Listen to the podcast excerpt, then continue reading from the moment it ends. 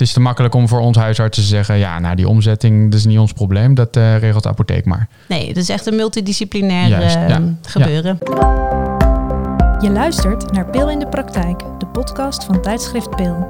Het tijdschrift voor nascholing over farmacotherapie en samenwerking in de eerste lijn. De presentatie is in handen van Daan van der Stap, huisarts te Middenbeemster, en Nancy Overmars Zonneveld, apotheker in de Rijp. Hartelijk welkom bij Pil in de Praktijk. Mijn naam is Daan van der Stap en tegenover mij zit Nancy Overmars Zonneveld. Hallo. En in deze aflevering gaan we het hebben over biologische geneesmiddelen en biosimilars. Eh, we gaan in gesprek met Marika van Dalfsen, apotheker bij het IVM.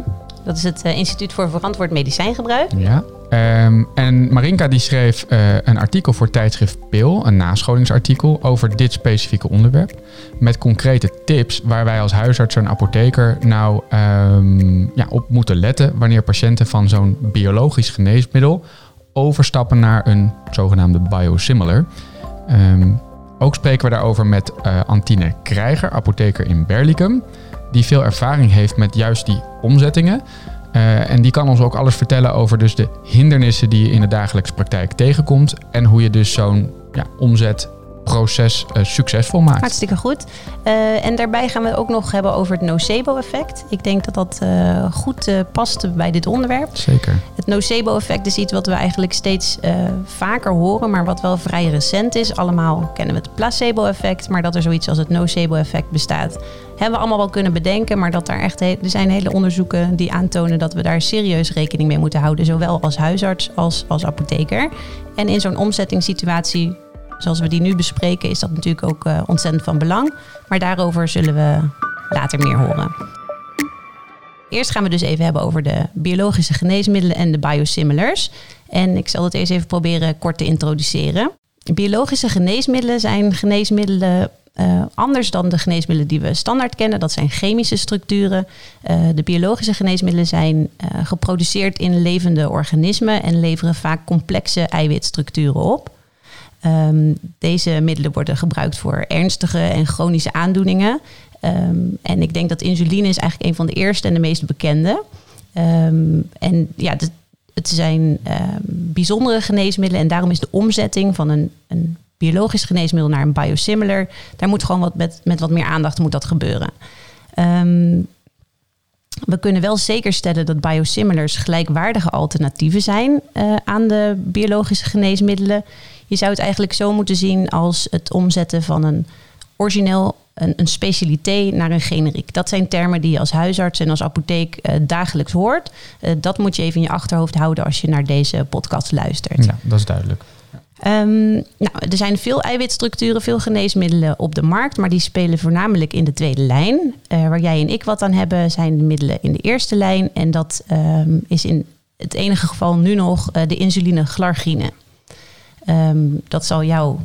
Ja, dan denk ik Lantus. Hè, zo Klopt. kennen wij dat jaren vooral Ja, als huisarts zeker. uh, Lantus voor. En dan geeft ons HIS wel aan, oh ja, bedoelt u uh, deze vorm van insuline? En denken wij, nou, dat, uh, dat bedoelen wij. Maar ik moet daar ook gewoon meer op trainen. Ik denk wij allemaal als huisartsen dat we gewoon ook met elkaar moeten communiceren in generieke termen. En in dit geval dan ook dat ik nu insuline glargine moet gaan gebruiken. Precies, want uh, als jij de patiënt zegt, u zal lantus van mij krijgen, dan is dat niet per se het geval. Het zou kunnen dat de apotheek uh, Abassa-Glar levert of wellicht op termijn nog weer andere namen. Dus Juist. generiek voorschrijven geldt ook voor de biosimilars. Um, en want het is in dit geval uh, in een groot gedeelte van ons land uh, voor de verzekerde verplicht om over te stappen op uh, het andere middel of op het biosimilar. Ja. En daarom gaan we spreken met diverse gasten over de achtergrond en hoe we daar in de praktijk mee aan de slag moeten. Ja, helder. Hartstikke leuk dat we straks de auteur van het artikel in PIL uh, gaan spreken. Want zij kan dat natuurlijk uh, uitgebreid aan ons uh, toelichten. Maar dan ja, ben ik toch wel weer benieuwd. voor mij als apotheker is het niet helemaal nieuw. Denk ik ongeveer te weten waar het over gaat.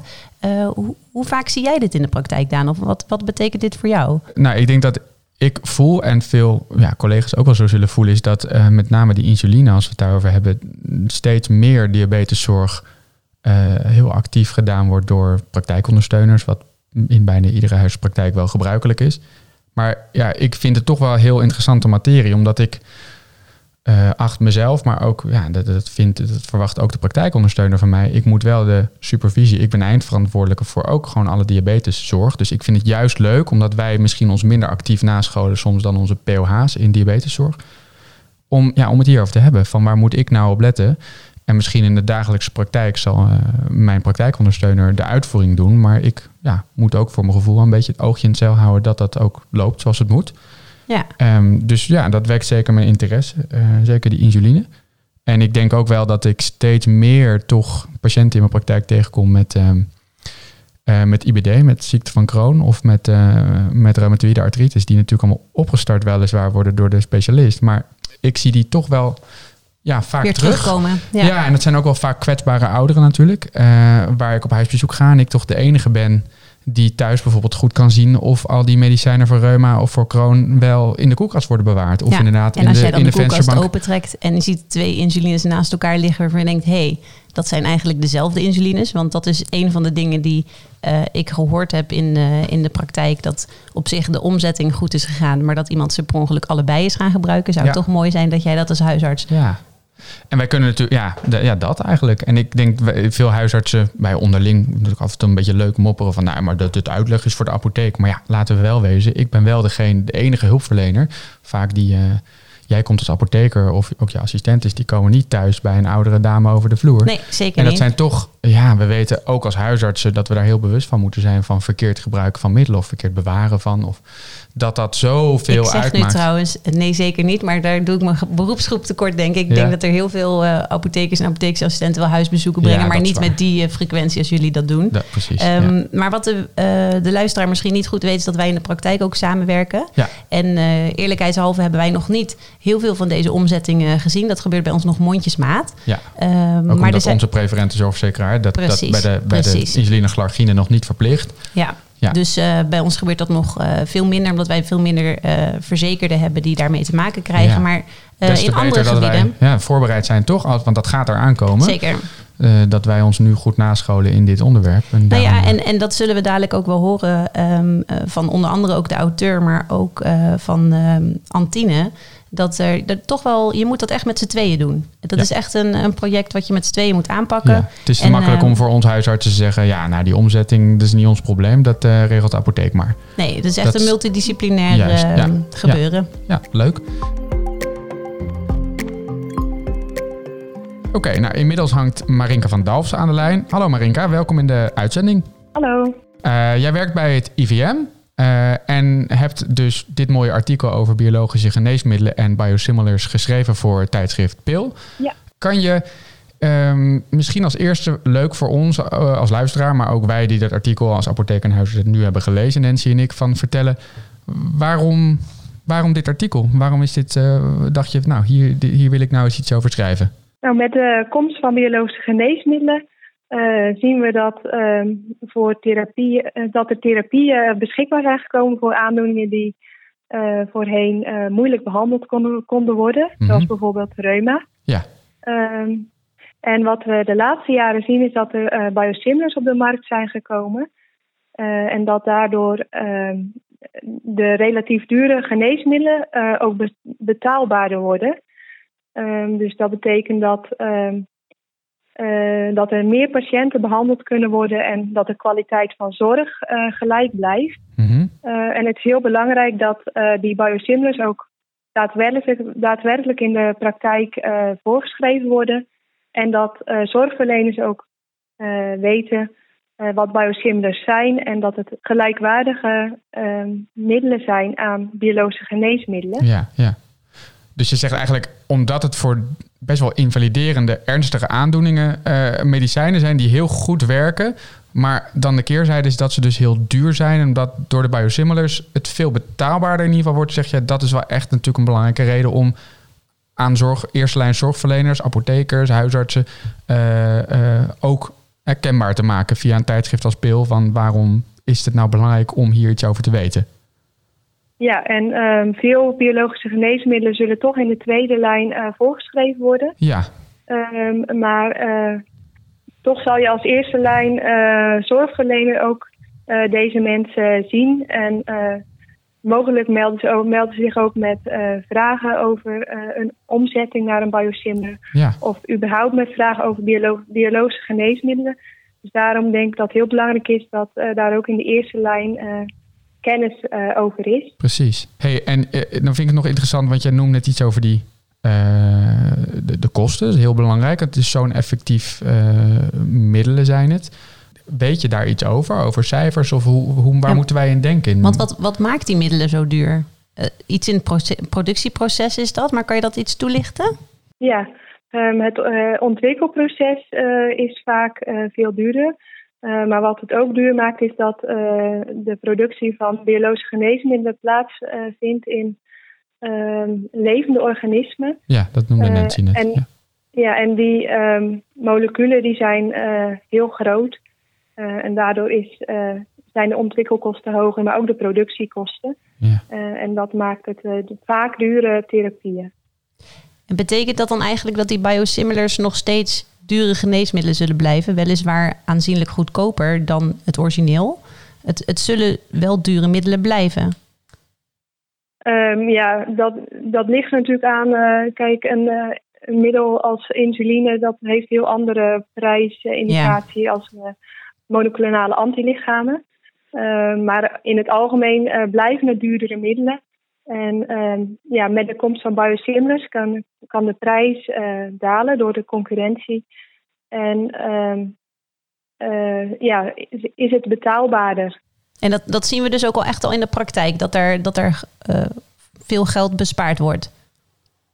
Ja, er wordt veel geld bespaard, alleen het is uh, niet uh, eenvoudig om dat ook concreet in cijfers weer te geven. Mm -hmm. En dat komt onder andere doordat uh, de prijsafspraken die met fabrikanten gemaakt zijn, die zijn niet transparant. Ja, ongelooflijk vind ik dat. Ja, dat is echt ongelooflijk inderdaad.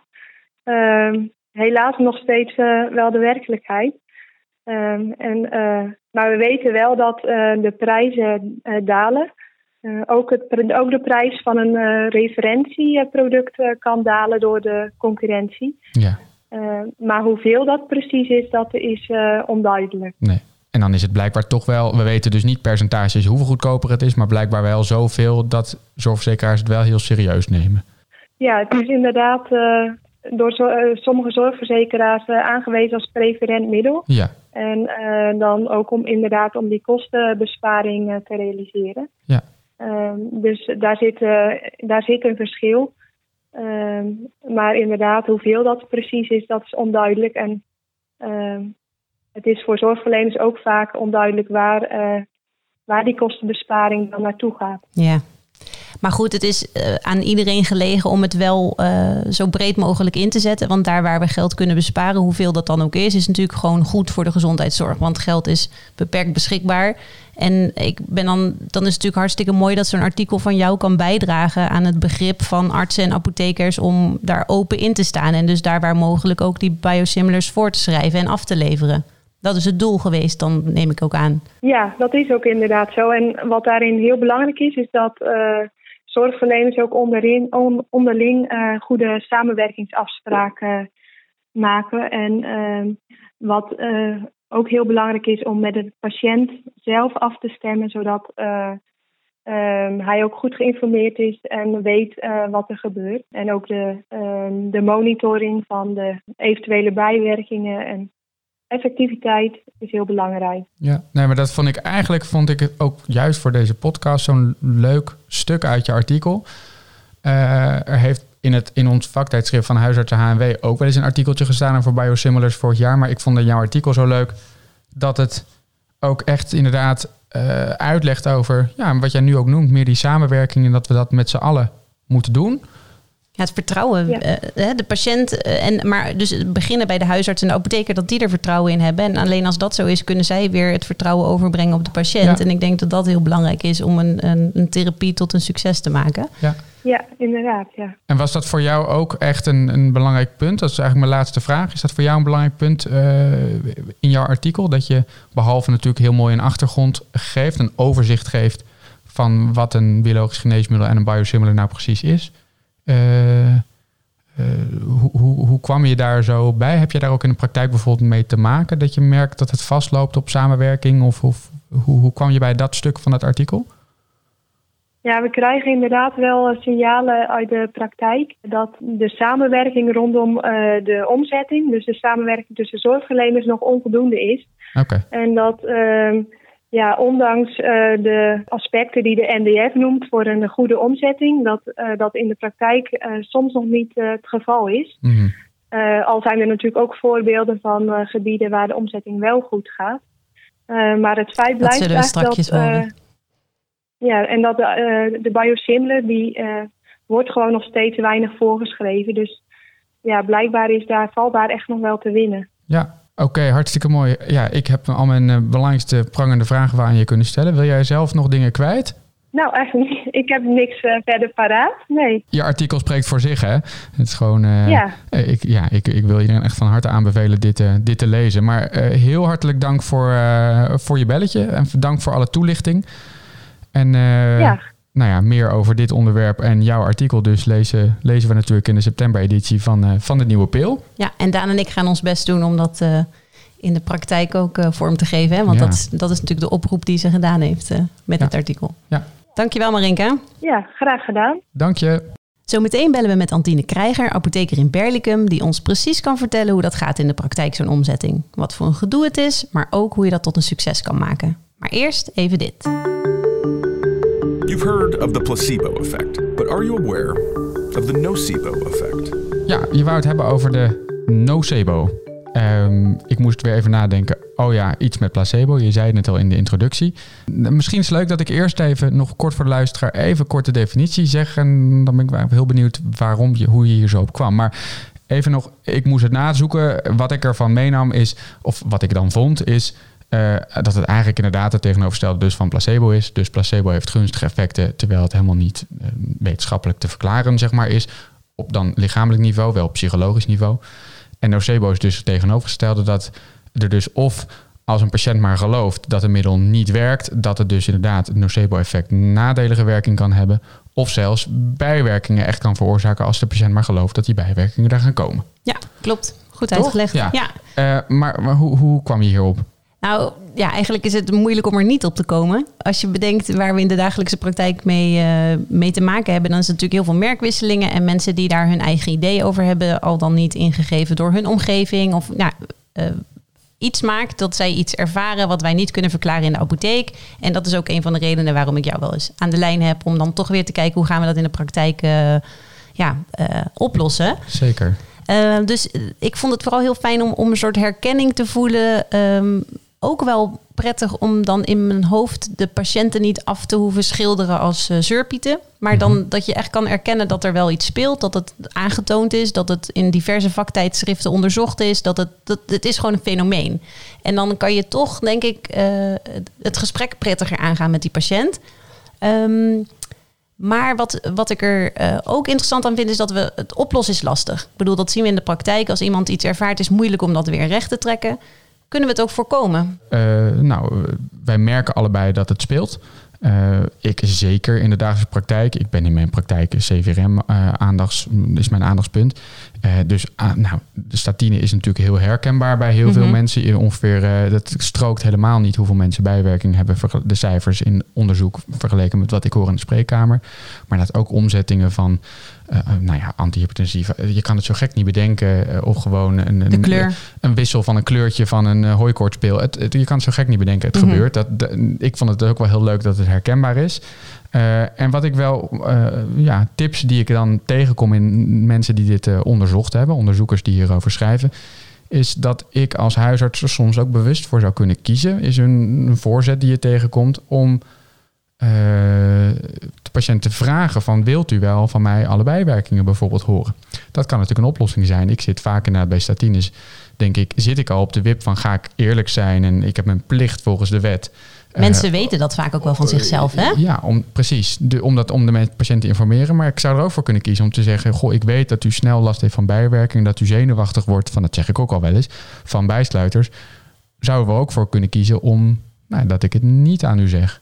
Maar hoe vind, zou jij dat vinden als ik dat zou, als een patiënt nou zegt... nou, dat uh, oké, leg me maar niet te veel uit de voorbijwerking. Ik ga het wel gewoon slikken, we zien het wel.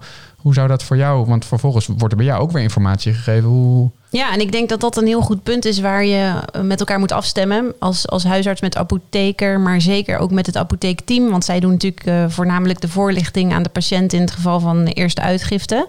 Eh, ja, dan heb ik net iedereen keurig eh, eh, getraind ehm, om, om zo'n eerste uitgiftegesprek eh, volledig te doen. En daar horen ook alle bijwerkingen bij. En ik denk eh, dat je daar eh, ja, elkaar moet opzoeken en kijken of je in bepaalde situaties dan toch kan kiezen om die bijwerkingen ofwel achterwege te laten of op een andere manier ehm, te bespreken met de patiënt. Ehm, nou ja, want je ziet inderdaad in, in de stukken die je erover leest dat, dat het echt uitmaakt eh, hoe jij iets brengt. Ehm, als je iets uh, positief brengt, dan is de verwachting dat dat gaat werken. Uh, ja, je bedoelt, het, het heeft echt zin om, om daarop te letten. Ja, ja, dan wij zouden willen misschien wel ja. en denken. Maar dat, dat is denk ik de leuke taak voor de toekomst. Als we het dan over nocebo hebben om daar een, een, een, mooie uitdaging in te zien en een spel. Ja. Uh, om er iets leuks van te maken. Omdat het dus ook echt een naam heeft nu, Nocebo. En dat we dan met z'n allen, huisartsen, apotheken...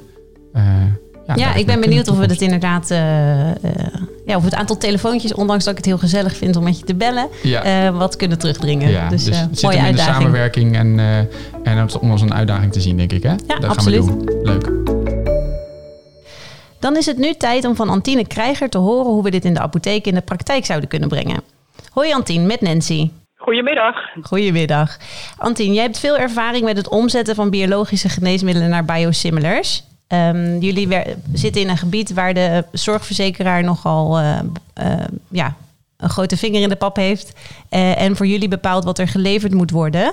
Uh, voor jullie was het dus van groot belang dat jullie dit goed hebben opgezet. Uh, kan je mij een beetje vertellen hoe jullie dit hebben aangepakt? Um, ja, wij hebben hier regionaal een zorggroep van zo'n 50 tot 60 apotheken. Dat is een coöperatie um, waar we een bestuur hebben en best wel veel werkgroepen. Um, en het bestuur en de werkgroepen heeft uh, onder andere met het ziekenhuis in Den Bosch uh, korte lijntjes um, met bepaalde specialismes. En um, er is ook een werkgroep uh, eerste, tweede lijn. Daar zitten diabetes um, kaderartsen in, CVRM kaderartsen en ook een apotheker bij ons uit de regio. En ja, wij noemen haar en mijzelf diabetes uh, kader apotheker. Dat is natuurlijk geen erkend specialisme, um, maar uh, dat wij wel proberen iedereen, ons wel te specialiseren in dat gebied. En uh, binnen die werkgroep Eerste Tweede Lijn is er overleg geweest over deze kwestie. En zijn er afspraken gemaakt hoe we dat in de praktijk gingen doen. daaruit is een brief tevoorschijn gekomen die we aan patiënten gingen sturen. En tegelijkertijd hebben wij binnen onze kleine regio van vier apotheken. Um, ja, korte lijntjes met de uh, kader uh, artsen diabetes hier. En daarmee heb ik, um, moet ik even nadenken, volgens mij twee afspraken gehad hoe we dat zeg maar op, binnen de eerste lijn gingen doen, de omzetting. Mm. Uh, dat betekende wel dat we op redelijk korte termijn um, moesten handelen. Want um, ja, zorgverzekeraars hadden ons helaas niet heel veel tijd gegeven daarvoor.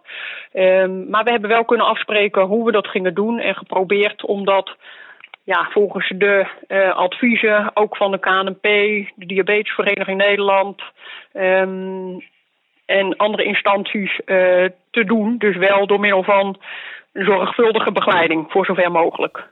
Ja, want dat is inderdaad, uh, we bespreken een artikel waar het gaat over de omzetting. En daar wordt heel duidelijk aangegeven dat die begeleiding goed moet zijn, dat de patiënt goed geïnformeerd moet zijn en dat die goed gemonitord moet worden. En dat is dus ja. bij jullie ook de leidraad geweest. Ja, klopt. Oké, okay. en kan je vertellen, want ik zit hier natuurlijk met Daan, Daan is huisarts. Um, in hoeverre, dit is echt iets wat jullie met z'n allen hebben gedaan, met verschillende disciplines bij elkaar. Wat, wat is, welke rol heeft iedereen hierin?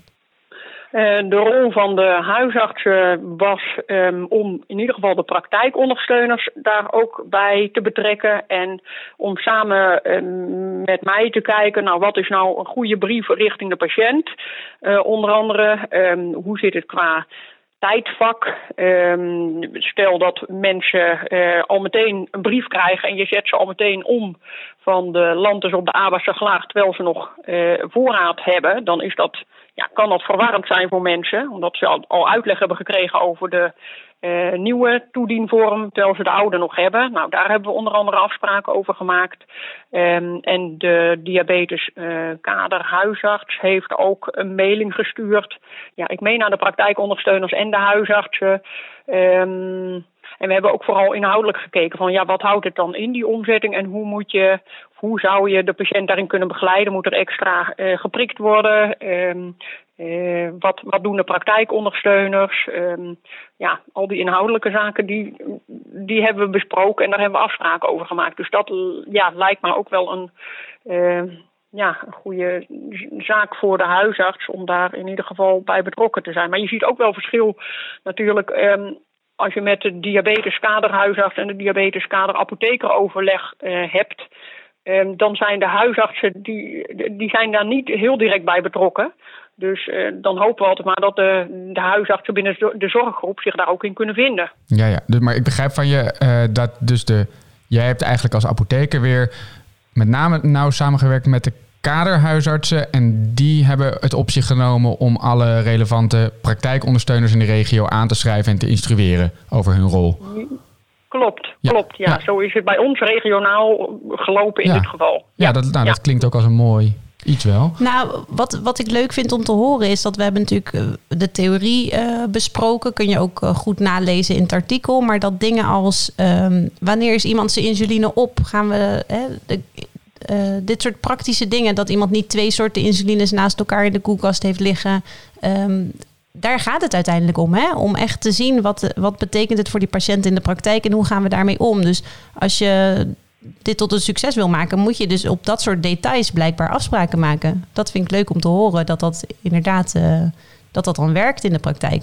Ja, ja, inderdaad. En dat neemt tegelijkertijd best wel veel voorbereiding um, met zich mee. Want de diabetes kaderhuisarts, um, Paulien Heijske heet ze, en ik hebben ook afgesproken dat de um, diabetesassistentes bij ons in de apotheek alle patiënten die de brief hebben gehad, zouden bellen. Dat hebben we ook gedaan. En ook hebben gevraagd of de brief helder was, of ze nog vragen hadden.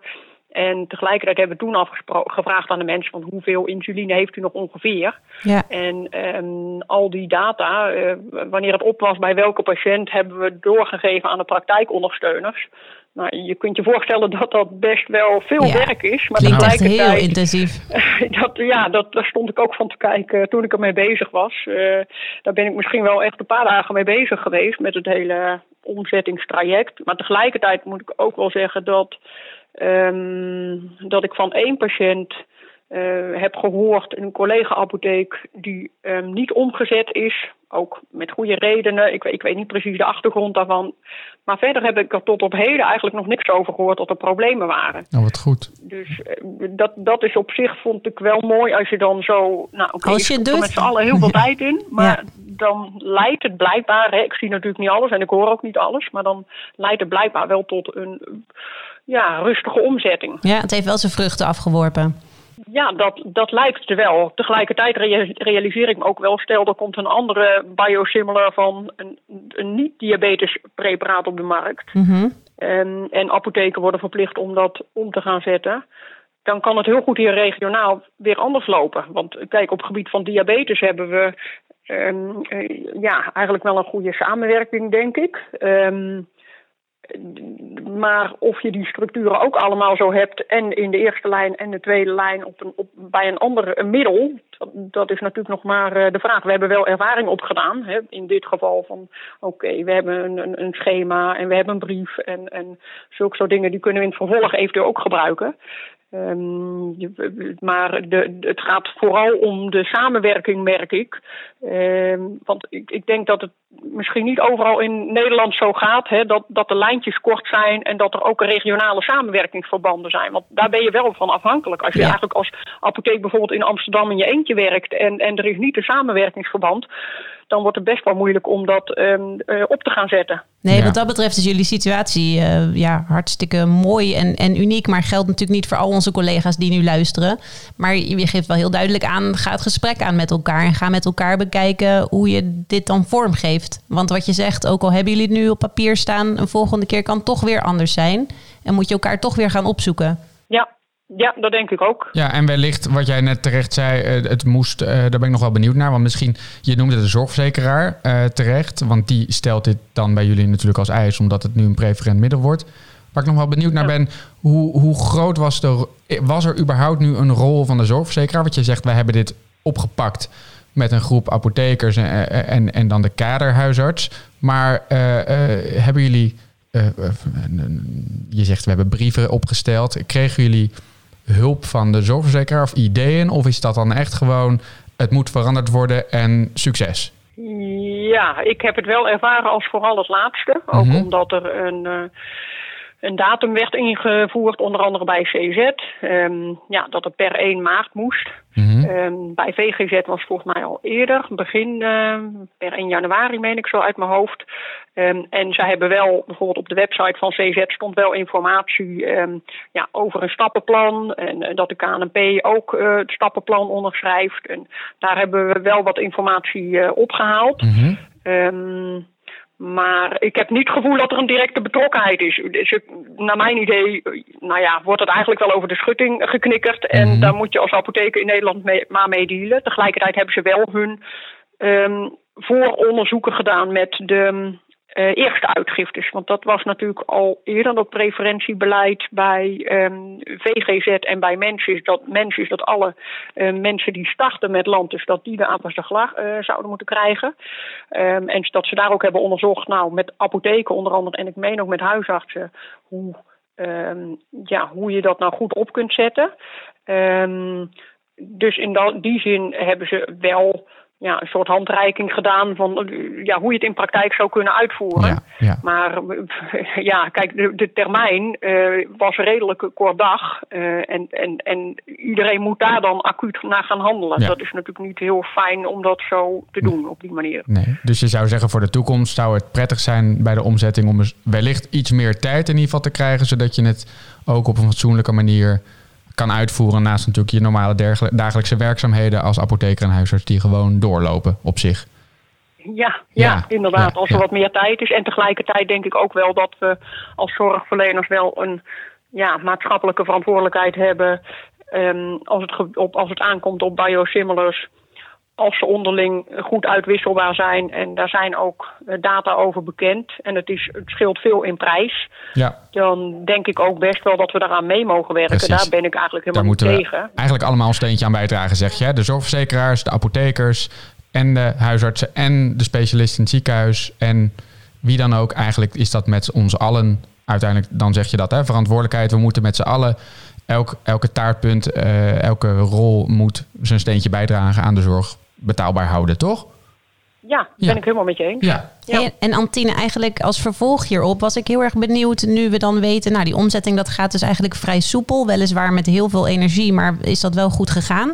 In hoeverre hebben jullie met elkaar besproken om de mensen die ehm Lantus mogen blijven gebruiken, omdat daar niet een preferentiebeleid op rust, eh, om die ook om te gaan zetten, omdat dat dan wellicht ook wat zou opleveren? Op, bij de mensen die Lantus al gebruiken en die op, dit, op dat moment nog niet over wilden gaan. Nee, ik bedoel eigenlijk de mensen die bij een zorgverzekering zijn die niet bepaalt welk merk het moet zijn.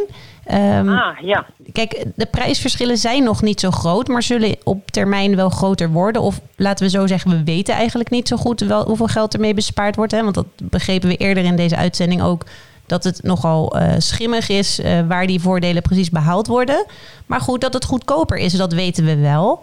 Ehm, is het dan te overwegen om iedereen om te gaan zetten? Ook al zegt de zorgverzekeraar daar niks over. Ik denk als, daar een, een, als daarmee de, de zorgkosten eh, gedrukt worden, dan zou ik daar wel voorstander van zijn. Maar ik, ik moet zeggen, ik vind persoonlijk het prijsbeleid redelijk eh, ondoorzichtig. Want ik weet dat VGZ eh, prijsafspraken maakt eh, met de fabrikant van Abbasaglaag onder couvert. Dus er worden kortingen verrekend. Um, maar hoe bijvoorbeeld CZ en Mensis dat doen, daar ben ik niet goed in thuis. En als de prijzen nou, uh, stel dat het 50 verschil is per, uh, per uh, verpakking van de Lantes versus Abbasaglar. Dan gaan we al dat werk niet voor dat wel kosteneffectief is. Want nee. je bent er toch heel veel tijd mee kwijt. Ja. ja. dat is wel een afweging waard. Misschien als laatste vraag aan je ik vind het nog misschien wel het leukste om van je te horen. Waarschijnlijk gaan we in de toekomst steeds meer meemaken, ook dus in de eerste lijn. Ik als huisarts en mijn collega's, dat we uh, mensen wel verplicht moeten gaan omzetten. Heb je, uh, wat is je, eigenlijk je allerbelangrijkste tip uit dat proces wat je hebt meegemaakt? Wat, hard werken was, maar heb je een tip zodat niet iedereen opnieuw het wiel gaat uitvinden? Uh, wat is eigenlijk het belangrijkste wat je de luisteraar ook mee zou willen geven? Van als je hier voor komt te staan, samen, Nancy en ik als apotheker en huisarts bijvoorbeeld, wat is je tip aan ons? Wat kunnen wij doen om dit goed te laten lopen en op een fatsoenlijke manier dat we niet elke avond tot acht uur op onze werkplek zitten, zeg maar?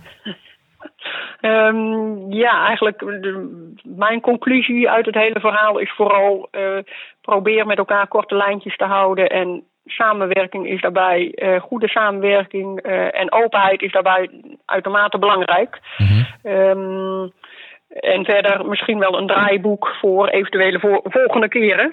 Vanuit de apotheek en vanuit de huisarts. Zodat het makkelijker gaat om een eventuele volgende biosimilar ook op die manier af te handelen. Helder. Daar kunnen ja, we wat mee. Ik denk het ook. Ja. Oké, okay. heel goed. Hartstikke leuk om even van je te horen, Antine, hoe jullie dit in de, in de praktijk hebben gedaan. Um, chapeau voor al het harde werk. En het heeft blijkbaar uh, opgeleverd dat jullie uh, tevreden mensen hebben daar die uh, met hun biosimilar aan de slag kunnen. Nou. Um, dankjewel dat je even met ons wilde praten. Um, ja, en bedankt voor de tips. We gaan hier nog even over verder okay, praten. Heel graag gedaan. Ja, het was leuk om even met jullie daarover te sparren. Hartstikke goed, dankjewel. Oké, okay, nou, we hopen dat jullie net zoveel geleerd hebben vandaag als wij. En dat jullie er vooral ook misschien wel morgen wat in de praktijk meteen mee kunnen doen. Wil je reageren op deze aflevering? Dan kan dat via podcast.pil-nascholing.nl En als je meer informatie wilt over het tijdschrift Pil en het behalen van nascholingspunten met het blad, goed. ja, dan kan je terecht op www.pil-nascholing.nl. Uh, nou ja, dank voor het luisteren en uh, tot de volgende aflevering. Tot de volgende keer. Je luisterde naar Pil in de Praktijk, de podcast van tijdschrift Pil. Het tijdschrift voor nascholing over farmacotherapie en samenwerking in de eerste lijn. Pil verschijnt vier keer per jaar in de vorm van een papieren tijdschrift en geaccrediteerde e-learnings. Bij het onderwerp dat in deze aflevering aan bod kwam, hoort een e-learning die goed is voor één nascholingspunt. Ga voor meer informatie en abonnementen naar www.pil-nascholing.nl. Pil is een uitgave van Prelum, medische media en nascholing.